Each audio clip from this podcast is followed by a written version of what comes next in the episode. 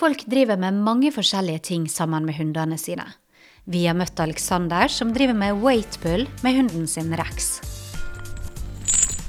Waitbull er en, eh, en hundesport som uh, egentlig kan sammenlignes med, med styrketrening for, for, oss mennesker. Uansett eh, hvor Eva Marie drar, så er hun med. Hun har reist gjennom store deler av Europa med sin beste venn. Så Frankrike skiller seg eh, veldig ut. Frankrike er fantastisk for hunder. Også Luxembourg og Belgia. altså Disse landene, der er det hunder hjertelig velkommen. Hvor kan egentlig hunden være med og ikke? Panelet deler sine erfaringer. Hadde det vært opp til meg, så ville jeg hatt henne med meg overalt. Jeg kan ta med Luna på eh, bar. Hun er jo veldig glad i folk, men når musikken blir for høy, og jeg merker at det er altfor mye som skjer, så går vi hjem. Da er jo ikke sånn 'Nå skal mamma ta to øl'. Det er, det er ikke sånn, liksom. Og veterinæren har noen gode råd for kalde hundepoter. Så da kan man bruke f.eks. en potesalve eh, to ganger daglig i vintersesongen. Velkommen til Hundorama med Elise og Silje. En av episodene som var populær i første sesong, det var den om aktiviteter. Og siden det er så utrolig mye man kan gjøre med hunden sin, så kjører vi en ny runde. Ja, og I det siste så har jeg sett uh, mye på videoer av morsomme hundeaktiviteter på YouTube. Du har f.eks. dockdiving, der hunden skal hoppe lengde ute i et basseng og få tak i en dummy i luften.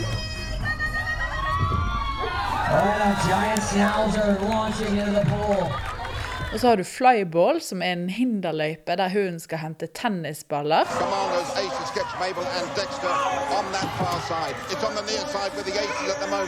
Eller du har barnhunt, som òg ser skikkelig gøy ut.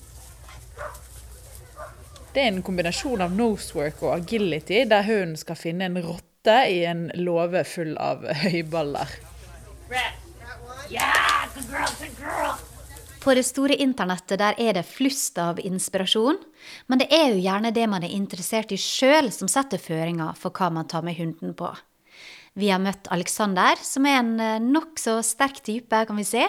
Han driver med en form for styrketrening med hunden sin.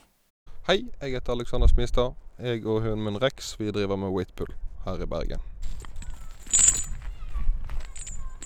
Akkurat nå så driver vi med kjettingtrekk. Hvilken hund er det du har? Kan du beskrive den litt? Ja, jeg har en Staffordshire Bull Terrier. Det er, en, eh, det er en, liten, kompakt hund. Eh, min er relativt stor for størrelsen. Han er oppimot 30 kg. Hvor lenge er det dere har holdt på med dette? Ca. to år.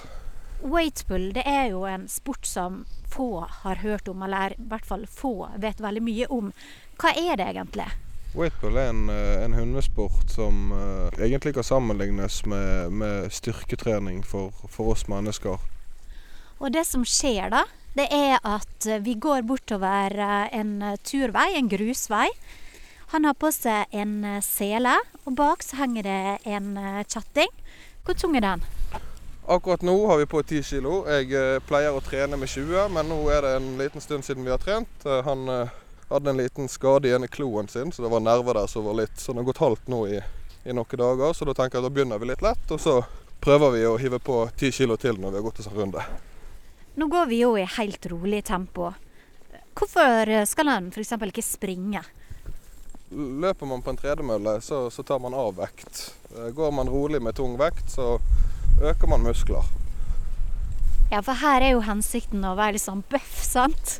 Ja, du kan kalle, kalle, det det. Men for å si det sånn, 99% av sporten er rett og slett mental trening. Eh, og så kommer muskler oppå der igjen. Hvordan har utviklinga vært fra dere starta og til nå? Nei, Man begynner jo alltid det små. Når vi begynte å trekke, så hadde jeg to kilo kjetting bakpå. Sant? Nå har jeg 20. Trikset er jo det å ikke gå for fort fram. Og det som jeg sier til alle som har lyst til å begynne med dette, er at Istedenfor å pøse på med kilo, så tar de heller en ekstra runde. Hvilke hunder er det som kan holde med weightpull? Alt. Absolutt alt. Vi har pomeranian, vi har fransk bulldog, vi har staffer, vi har mastiffer, vi har border collier. Vi har, det, det er alt. Men det må vel være noen hunder som har en kropp som passer bedre enn andre? Kropp, jo da, det er jo det, men konkurransen omhandler om å trekke mest mulig sin egen kroppsvekt.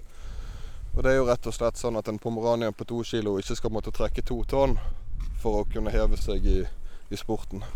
Ja, For oss som ikke har sett en slik konkurranse. Det er ei vogn, og oppi der er det vektskive. Hvordan fungerer det? Man, man begynner på en startvekt, og så øker man til den vekten man vil, og så gir man seg når man sjøl er fornøyd. Distansen man skal trekke for et godkjent trekk, er fem meter. Og så da øker det på det, og hundene de konkurrerer mot hverandre uansett hvilken rase det er.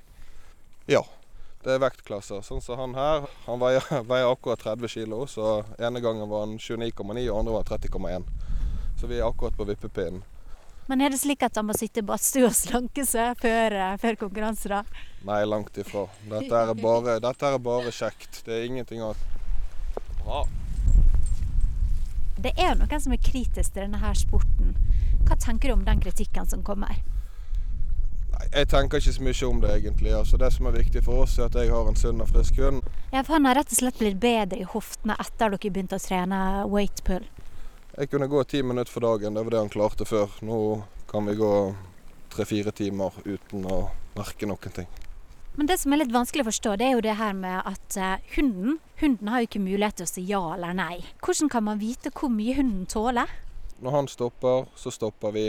Hvis ikke han er interessert i å trekke, så tar jeg av kjettingen, og så går vi. Så det, det er liksom hele, hele formålet med sporten. Og det som er spesielt med den sporten her, motsatt til mange andre sporter, er at før en konkurranse så har vi veterinærsjekk.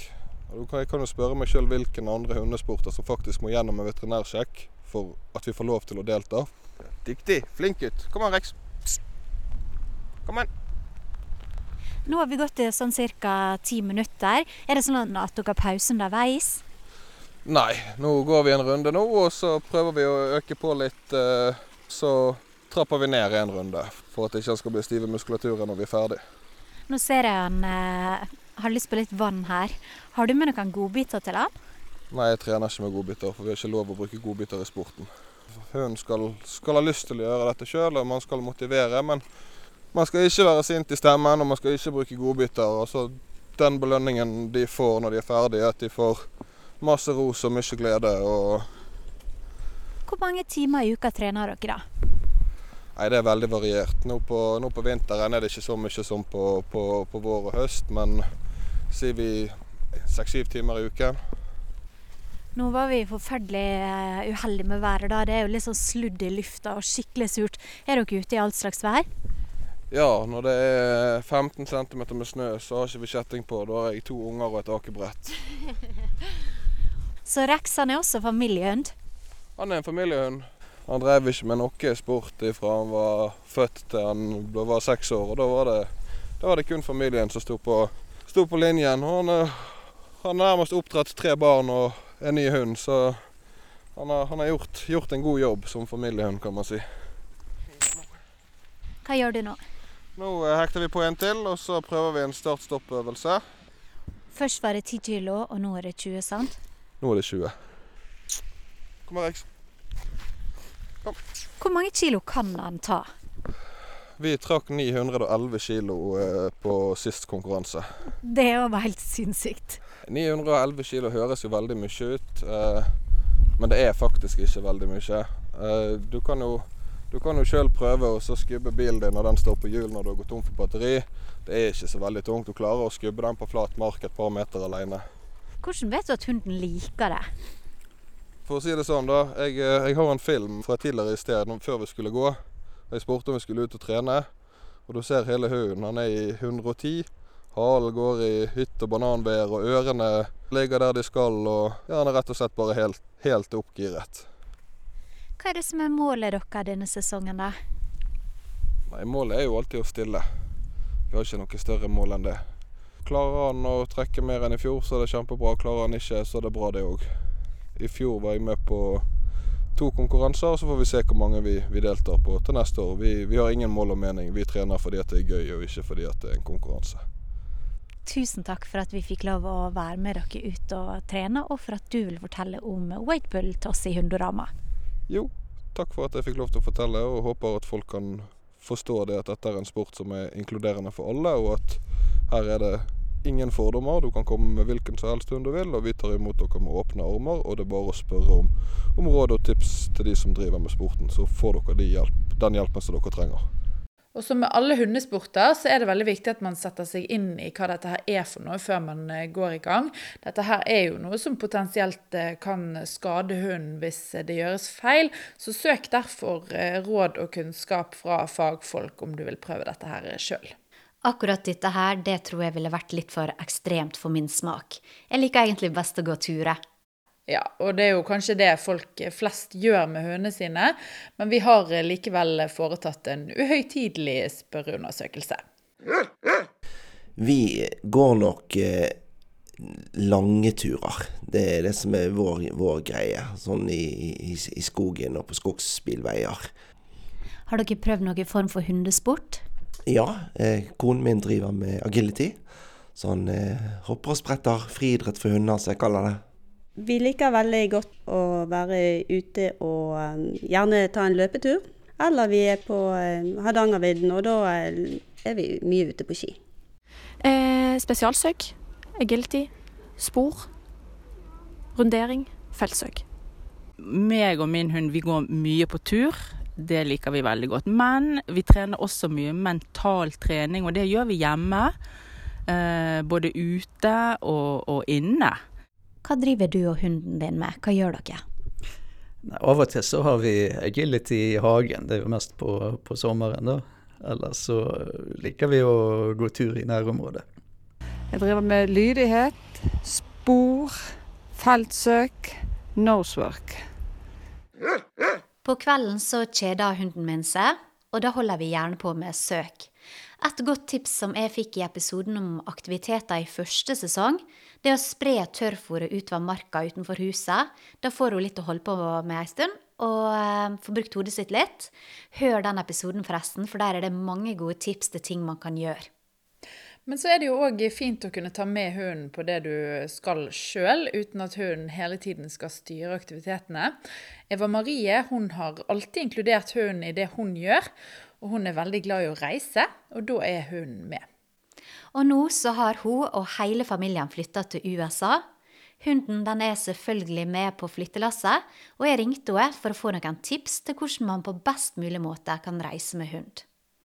Det har vært eh, viktig å ha med hundene på reise fordi de er en stor del av eh, livet vårt.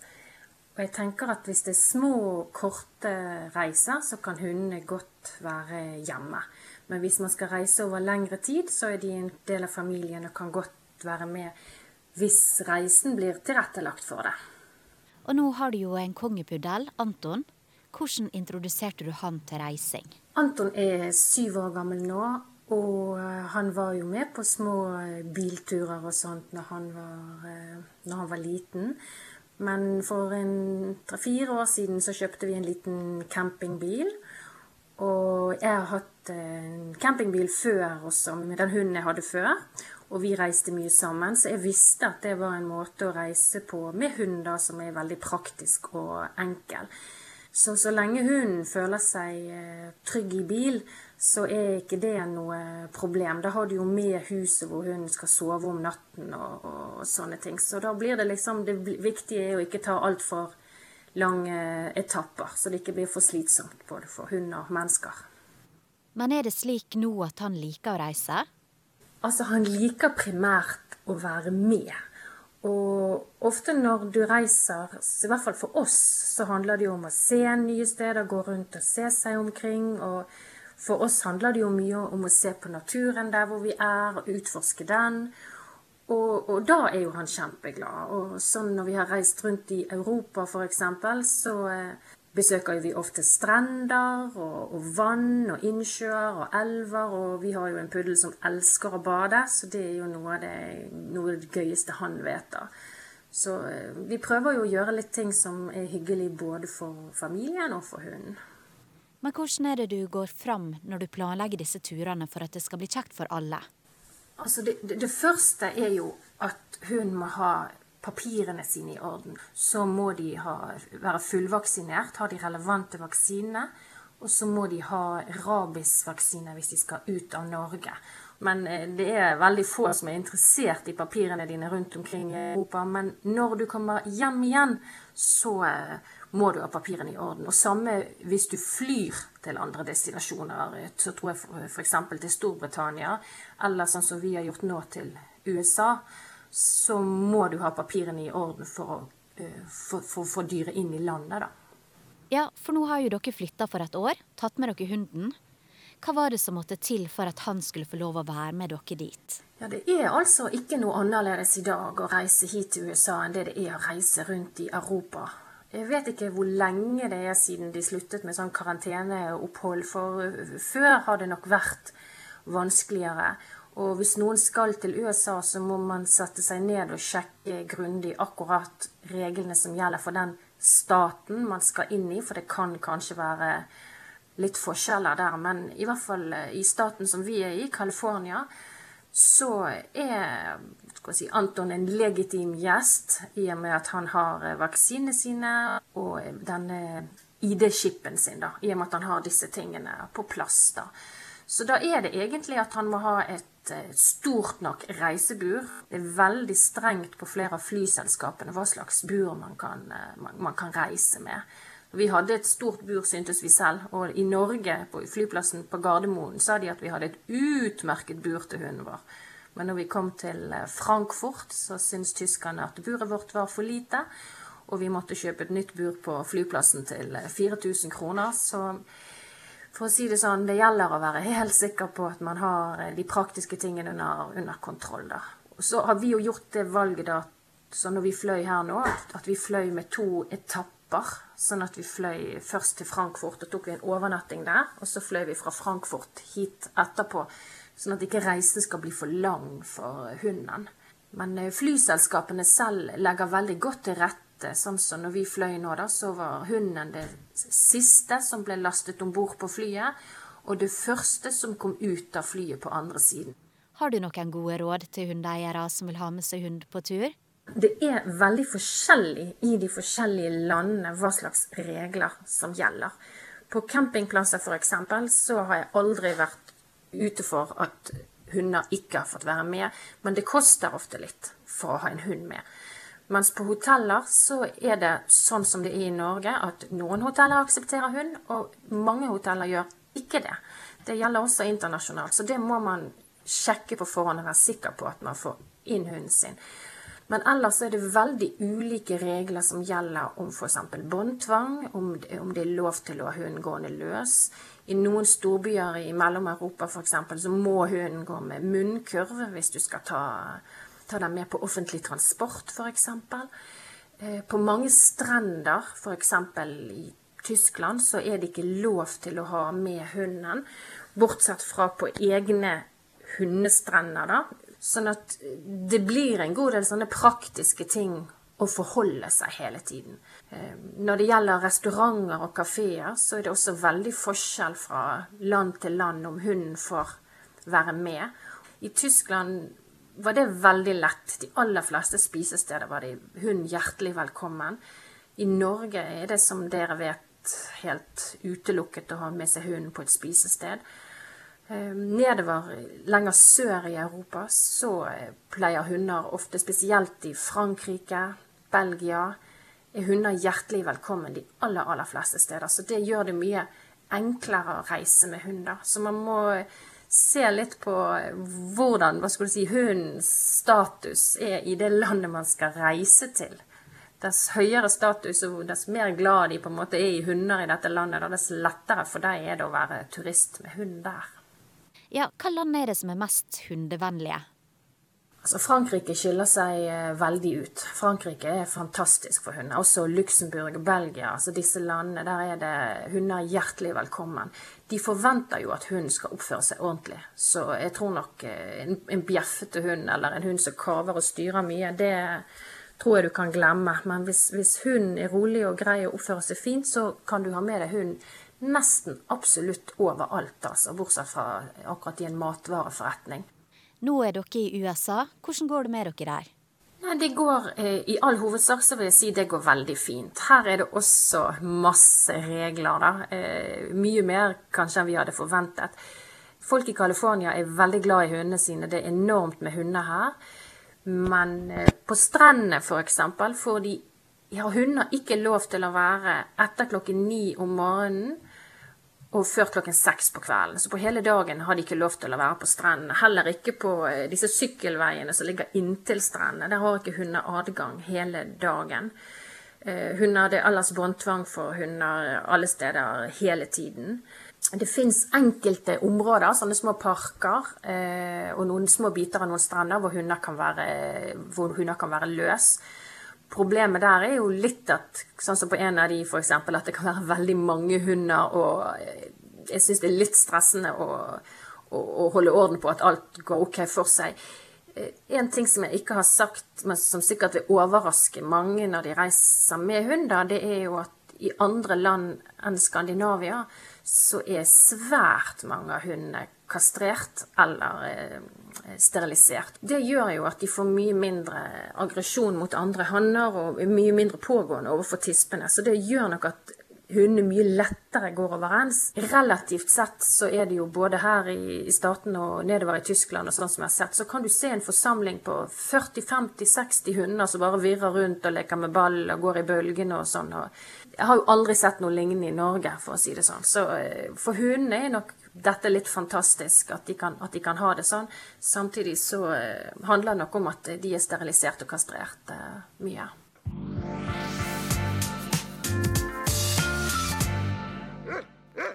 Og Litt seinere i episoden så får du høre hvordan paneldeltakerne gjør det når de skal på ferie. Vi har flydd én gang, og ellers så er det liksom bilturer, eller tog, ta toget til Oslo, og så være woho, ferie. Kjører man noen plass, så mm. Er hun som regel med. Og nå eh, leste jeg at uh, denne her danskebåten faktisk eh, Tidligere så har de jo måttet ha hunder i sånne bur De kaller det et hundehotell. Ser ut som et hundefengsel. Ja, mm. men nå har de fått eh, lugarer okay. hvor du kan ta med ja. hunden inn. Så vi kan jo kanskje utvide horisonten da, til Danmark og Sverige. Ja. Og nå så er det tid for å gi noen tips. Vil du starte, Elise? Ja, jeg har jo tidligere slått et slag for eh, diverse Facebook-grupper, og det skal jeg gjøre på nytt nå. Det er nemlig en gruppe som heter Nail Maintenance for Dogs. Det er en gruppe som man får tips rett og slett til hvordan man kan klippe klørne til hunden på best mulig måte. Og det er jo mange hunder som går rundt med altfor lange klør, og så er det kanskje litt skummelt å begynne å klippe sjøl, særlig hvis klørne er svarte. Det syns jeg jo sjøl. Eh, men et av tipsene der det er rett og slett å bruke en sånn dremmel, et sånt verktøy, en sånn slipemaskin som er elektrisk. Eh, for da tar du ikke så mye av selve neglen eh, av gangen, og da gjør det at det er litt mindre sjanse for å komme inn på denne nerven som så fort begynner å blø. Så nail maintenance for dogs hvis du kvier deg litt for å klippe klørne til hunden din sjøl. Det skal jeg teste ut, Molly er ikke glad i det. Jeg, jeg, vil bare anbefale en utrolig god serie, og det er jo den eh, Fra bølle til bestevenn som går på NRK nå. Hvis du følger litt med der, så er det utrolig mange tips og gode råd du kan snappe opp. For Maren, hundeinstruktøren, hun er utrolig flink. Og så er det jo bare så eh, gøy å se på disse hundene. Min favoritt er i hvert fall han Anton. ja, for en legende. altså at han ikke vil rikke seg hvis han ikke får kylling, eller eh, at han bare vil kjøre Mercedes. Det er jo nesten bare for utrolig. Ja. Til å nesten være sant. Nå det, må vi jo nevne at Anton han er en newfoundlandshund på er det 85 kilo han veier. Ja. Så når han setter seg ned eller legger seg ned, så er det ikke så lett å bare dra han med seg heller. Så eh, det er, jo, det er jo vittig å se da hvor han har lært seg å bruke vekten sin til å liksom eh, få det som han vil. Og så tror jeg mange kan kjenne igjen sin egen hund. I hvert fall er det slik for meg. Altså, Hun må le bare 15 kilo, hun er jo en vippete. Men hun kan på en måte minne litt om en Anton hvis hun ikke får en godbit. Da nekter hun å gå videre. Sant? Så jeg kjenner liksom til den eh, problemstillinga der. Ja, Henry han eh, minner ikke så mye om Anton. Anton er en veldig bedagelig type. Det er ikke, det er ikke Henry. Men jeg kjenner jo litt igjen av de andre problemene. F.eks. Eh, den her Iris som gjør utfall mot syklister og joggere og biler og sånt. Nå er Henry jager ikke så mye bil, men han, han kan bjeffe på, på folk som passerer. Og så har du den her eh, schæferen som blir så voldsom når han skal hilse. Det har jeg jo opplevd. Så det, så det er mange interessante eh, problemstillinger der, og det er mange gode løsninger man får presentert. Så det er absolutt eh, en god serie å følge med på. Og til og med hvis du ikke har noen av disse problemene, så er det noen gode tips og råd som man kan snappe opp. Absolutt.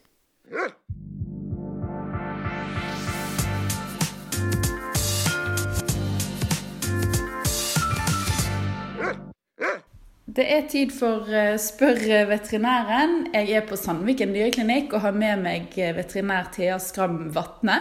Og I dag skal det handle litt om poter. Fordi at eh, på vinteren så er det jo det er mye salt på veiene, det er slaps, det er snø. Og hvordan kan man da ta best mulig vare på hunden sine poter? Det som er viktig eh, når det er salting og snø og sånne ting, er jo at man passer på at potene ikke tørker ut. Eh, for salt kan være veldig uttørkende for potene til hunden. Eh, så da kan man bruke f.eks. en potesalve eh, to ganger daglig i vintersesongen. Eh, man kan bruke potesokker. Eh, hvis det er salting ute, så vil jeg anbefale noen vanntette potesokker. Sånn at ikke saltet trenger igjennom. Eh, på snø og skader og sånt kan man kanskje gå for en tøyvariant av potesokkene. Da. Det er også viktig at man gir ordentlig næring til hunden. Eh, gjerne fiskeolje. Eh, man kan gi tilskudd av B-vitaminer. Og også bruke et eh, fôr av høy kvalitet for å kunne støtte opp hudbarrieren så godt som mulig. da. Ja, Så fôret har faktisk litt å si for om, om potene sprekker eller ikke? Absolutt, det har veldig mye å si. Eh, og med tilskudd av eh, omega-3-olje også, så kan man få en bedre kvalitet på potene også, og klør. Det er også viktig å spyle potene eh, etter man har vært ute og gått på tur, hvis man ikke har brukt potsokker, eh, for å bli kvitt saltrester og sånne ting som ligger der. Og hvis man nå har vært uheldig og hunden har fått eh, et sår på poten eller det har sprukket opp, hva gjør man da? Det kommer veldig an på hvor dypt såret er, eh, og hvor mye av tredeputen tredjeputen eller poten som er eh, skadet. Er det sånn at man er usikker på om det har gått gjennom denne tykke lærhuden på tredjeputene, så er det best at en veterinær får se på det. Eller hvis man er usikker på om det bør sys og sånne ting, så bør en veterinær se på det. Men hvis det er et overfladisk sår på tredjeputen, så er det viktig at de ikke slikker på på området først og fremst. Og så kan man bruke potesokker og potesalve uh, for å tilføre fuktighet, sånn at det kan gro igjen. For å unngå slikking så kan man bruke en halskrage, da, f.eks. Det kan være veldig lurt å ha uh, et førstehjelpsskrin hjemme med litt bandasjemateriell og potesokker og sånne ting, hvis uhellet er ute. Og når man er inne på poter, så uh, må jo jeg spørre deg Mange hundeeiere sin skrekk er jo dette her å klippe klørne. Spesielt kjenner jeg det sjøl. Hunden min har noen svarte klør som er veldig vanskelig å se hvordan den nerven sitter. Hvor ofte må jeg klippe? Det er veldig forskjellig fra hund til hund. Eh, det kommer an på aktivitetsnivå og også kvaliteten på neglen i seg selv, og alder på hunden. Eh, så, så, det er veldig individuelt, men de fleste hunder bør klippe klørne iallfall en gang i måneden. Eh, og, og, det er ikke noe galt å, å klippe annenhver uke heller. For å klippe svarte klør er jo litt vanskeligere enn de hvite, eh, for man ser ikke nerven så lett. Eh, men det er teknikker man kan få lære hos veterinæren eh, på hvordan man kan gjøre det på en trygg måte. Da. Og hvis uhellet er ute, da, om man eh, klipper litt for langt, eh, hva, hvor stor skade kan man egentlig gjøre? Hvis man klipper litt godt i, uh, da kan man få en ganske god blødning uh, som kan være vanskelig å stoppe. Og da er det av og til man må på veterinæren og uh, rett og slett enten brenne ned eller ta på noe pulver for å stoppe blødningen. Men i de aller fleste tilfeller så klipper man bare litt for langt, så det er bare en liten dråpe blod. Eh, og da kan man holde på en isbit f.eks. For, eksempel, for å få blodårene til å trekke seg sammen for at det skal slutte å blø. Og Det som også er viktig hvis man har vært uheldig og klippet for langt, er at man ikke gir opp håpet. Eh, at man gjerne fortsetter å klippe regelmessig, eh, men at man holder seg rolig og ikke overfører stress til hunden. da. Så, så det er viktig. Da har vi lært litt mer om klør og poter i dag. Tusen takk til deg, veterinær Thea Skram Vatne. Da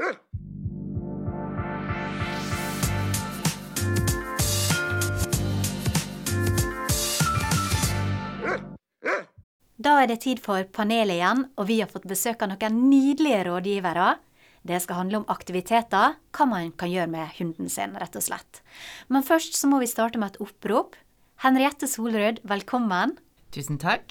Du har en hund som heter Tinka. Kan ikke du fortelle litt om henne? Tinka er ni år, en vippet, uh, diva og utfattelig sta. Og så har vi Jonas Riise Johansen, velkommen. Jo, takk. Hva er det du har? Ja, vi har fem hunder hjemme. Ja. Eh, en belgisk fårehund som heter Epi. Og så har vi tre springere som heter Mack, Fant og Suki. Og så har vi en mops som heter Ludvig. Og da må vi jo også si at du er hundeinstruktør. Det stemmer. Hva er det du driver med? Ja, jeg har jo en god del kurs, jeg har en god del privattimer. Jeg eh, reiser rundt og holder en god del husbandry-kurs som går på håndtering av hund. Der hunden skal få lov å bestemme om man skal starte eller stoppe kloklipp, f.eks. Er det noen hunder som velger å nå vil jeg ha kloklipp? Ja, absolutt. Ah, okay. Det faktisk eh, fungerer overraskende godt. Okay. Og den som sa det, det var Embla Karis datter. Hvem er du? Eh, jeg eh, har en hund som heter eh, Luna. Hun er to og et halvt år. Og er en australsk cobberdog. Også veldig sta. Og ikke en morgenpers, morgenhund. veldig allsidig og kosete. Og ja, det er den jeg er. Jeg spiller også spilte trommer i et band som heter Rassega, og nå er jeg frilansmusiker. Og i dag er jo Luna studiohund. Hun er skikkelig grei, og bare ligger her uten å lage en eneste lyd. Er hun alltid så grei? Det er jo litt teit å si ja, men uh, ja. hun er som ofte sånn. Hadde det kommet en hund inn nå, så hadde hun nok sagt ifra. Men det var, det var ganske mm, plagsomt en stund. Jeg kunne ikke sitte ute på kafeer og lese, for eksempel. For hvis det kom en hund forbi, så var det bjeffing. Uh, men så prøvde jeg mange forskjellige måter å stoppe det på, og nå er vi så å si kvitte. Men jeg merker at det er liksom hvis jeg går forbi en hund som går og bjeffer på Luna, så bjeffer ikke hun tilbake. Det virker som den hunden som sitter i ro, at det er den som bjeffer for å si at dette er min kafé, min strand. Min nudiststrand, som skjedde en gang med Luna. Det var veldig ubehagelig. Eh, da var meg og en venninne der alene. Hun hadde overtalt meg til å være med. Jeg tok jo med Luna, for jeg tar med på alt. Og så var vi helt aleine. Og så kommer det en fyr, og det er jo en nudiststrand, så da må jo han òg kle av seg. Eh, så legger han seg sånn 30 meter bortenfor, men Luna klikker fordi hun er sånn 'Min strand!' Det var da det var i den verste 'min kafé, min park, min strand'-perioden. Så hun løper jo bort til han, og jeg må jo løpe etter, men det er jeg vant til å gjøre med bh og hele pakken. Men jeg må jo si sånn 'Hei, Luna! Ikke løp etter han nakne mann, fremmeden'. Men så setter jo han seg ned på liksom huk og skrev og er sånn 'Hei, så fin hun er', og jeg er sånn Tusen takk. Og prøver, jeg vet ikke om jeg skal dekke meg til, eller bare stå med hendene på hoftene og være sånn Hei, heia. Så det var veldig kleint. Og jeg ville ikke sitte ned og skrive, men jeg ville heller ikke stå over han som en sånn frihetsgudinne. Så det var um, helt utrolig ubehagelig. Han syntes jo det var det mest naturlige i verden. Men uh, Luna ble jo veldig glad. Masse lukter uh, der. Og så På mann? Uh, ja.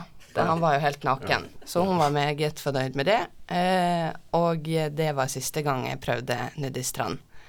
Med hund? Med generelt, ja. Hun skal jo være med på alt, sant. Det føles litt rart også å dra på stranden, og så kan ikke Luna være med fordi det er nudiststrand, skjønner du? Ja. Eller jeg vet ikke om noen skjønner, kanskje bare folk sa hund. Dette var jo litt av en historie. Er det noen av dere som har havnet i noen pinlige eller morsomme situasjoner pga. hundene deres? Eh, ja. Eh, jeg vet nesten ikke om jeg tør å si det engang. Men eh, eh, samboeren min skulle komme og hente meg på Flesland. Jeg hadde vært ute og flydd. Eh, og Tinka, hun hadde nekta gått ut den dagen, for det hadde regna noe helt vanvittig. Uh, vippeter er jo generelt kjent for å ikke ville ut i dårlig vær. Så da de tropper opp inn på Flesland, så det første hun gjør, er å sette seg ned for å bæsje. Ja. Inne Fint. på matta. Mm. Og samboeren min ble så forfjamsa, så hun bare løp ut igjen uten å plukke opp. hun ble så flau. Så ja. Jeg håper ingen uh, som uh, hører på nå, var der akkurat da. Det tror jeg er noe av det flaueste noensinne. Men disse hundene de får jo være med dere litt rundt omkring, forstår jeg. Når mener dere at hundene skal få være med, og når må de være hjemme? Hadde det vært opp til meg, så ville jeg hatt dem med meg overalt. Det er jo ikke alle steder hvor eh, det er eh, like hundevennlig, kanskje. Eh, Eller så er det mulig at jeg ikke har funnet de veldig hundevennlige stedene. Men jeg har jo vært i New York, for eksempel, og der er det jo i alle disse her Med butikk- hunden din?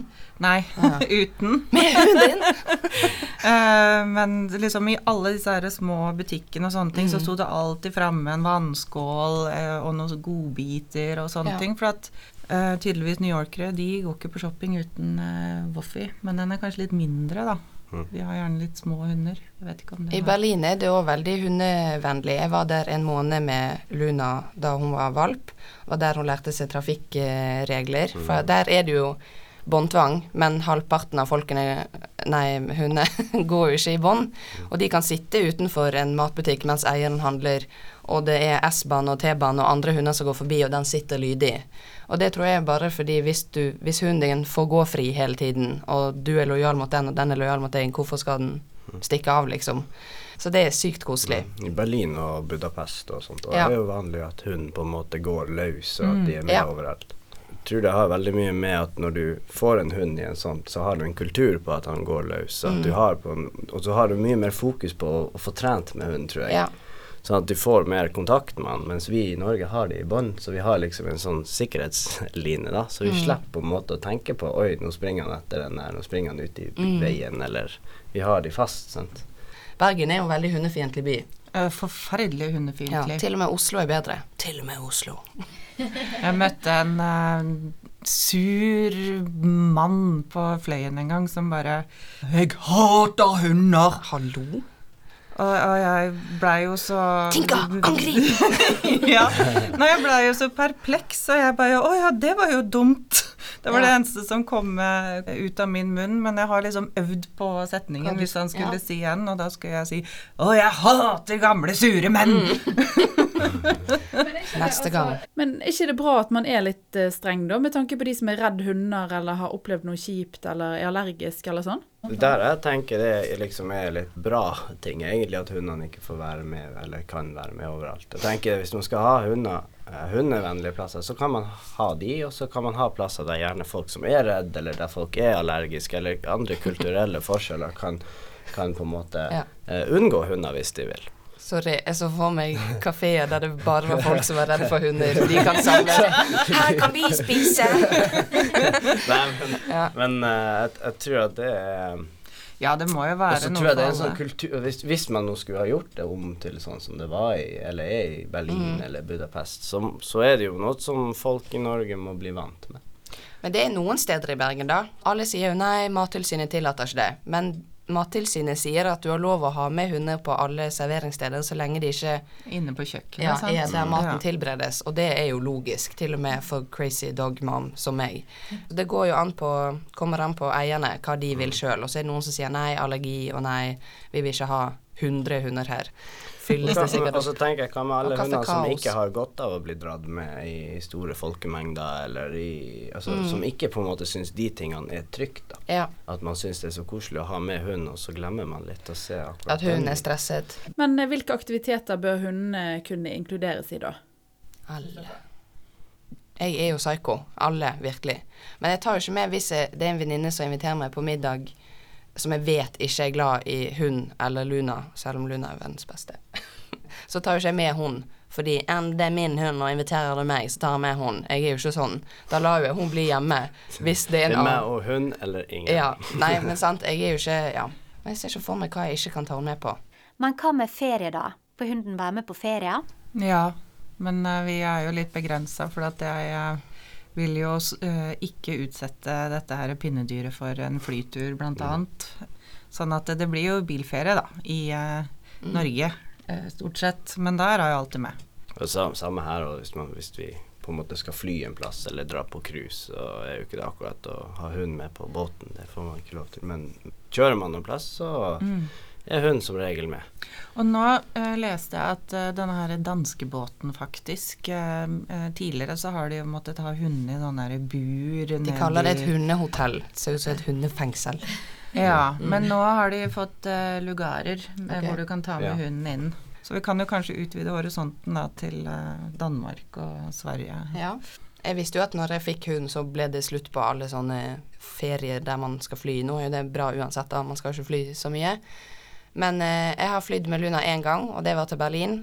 Og det gikk helt fint. Jorunn vant til buret, og flyturen ned gikk fint. Men når vi skulle tilbake igjen, da, var hun, da syntes hun det var veldig traumatisk å gå inn igjen i det buret hun egentlig likte, og fly tilbake, og gråte. Så begynte jeg å gråte. Det var veldig dramatisk. så vi har flydd én gang, og ellers så er det liksom bilturer, eller tog, ta toget til Oslo, og så være woho, ferie. Så tog går egentlig veldig fint. Men hvor går grensen for der man tar med seg hund for sin egen del, og hvor bør man heller tenke på hunden? Sånn som for meg som har en hund som overhodet ikke ville trivdes på kafé. Det, det er jo individuelt for, for hunder, da. Altså at de ikke forstyrrer andre, eller eh, ja, blir stressa, eller ikke er komfortabel sjøl, da. Jeg tenker det er omgivelsene, altså de andre individene i miljøet du må ta hensyn til, og hun. Mm. Og hvis på en måte begge to er fine with it, så, så syns jeg det er greit. Men Jeg eh, kan ta med Luna på eh, bar. Det høres helt veldig trist ut, men det er jo mer sånn på en tirsdag, og så skal vi ta en lønningspils, og så er klokken fem, og så er det lav musikk, og Luna kjenner de som jobber der, og hun får vannskål, hun får snop, og hun får ligge i sofaen. Og med en gang det blir for seint, og folk kommer, og det blir for mye, og hun er, hun er jo veldig glad i folk, men når musikken blir for høy, og jeg merker at det er altfor mye som skjer, så går vi hjem. Da er jo ikke jeg sånn 'Nå skal mamma ta to øl'. Det er jo det er ikke sånn, liksom. Jeg kom nettopp på eh, grunnen til at jeg sikkert har en så forskjellig. Det er fordi at hadde jeg sluppet min hund inn her Ja. uten å ha gitt han noe beskjed om å ligge eller Mm. mente, så hadde han søkt av hele det rommet her. Okay. Fordi han på en måte alle rom han kommer i, alle nye plasser, det skal vi jobbe i. Der skal vi søke. Ah, ja. Luna er jo veldig bedagelig. Hun er veldig lat. Ja. Men det er ikke kan- mine, så Nei. derfor er jeg Eller hun litt kan, gå, hun kan gå vidden, og, men hun kan også, hvis det regner, så er hun sånn Det er ganske koselig her på sofaen, da. Og jeg er sånn Ja, det er jo egentlig det, da. Ja, det er så hun, kan, hun er veldig allsidig sånn sett. Så det er veldig, veldig digg.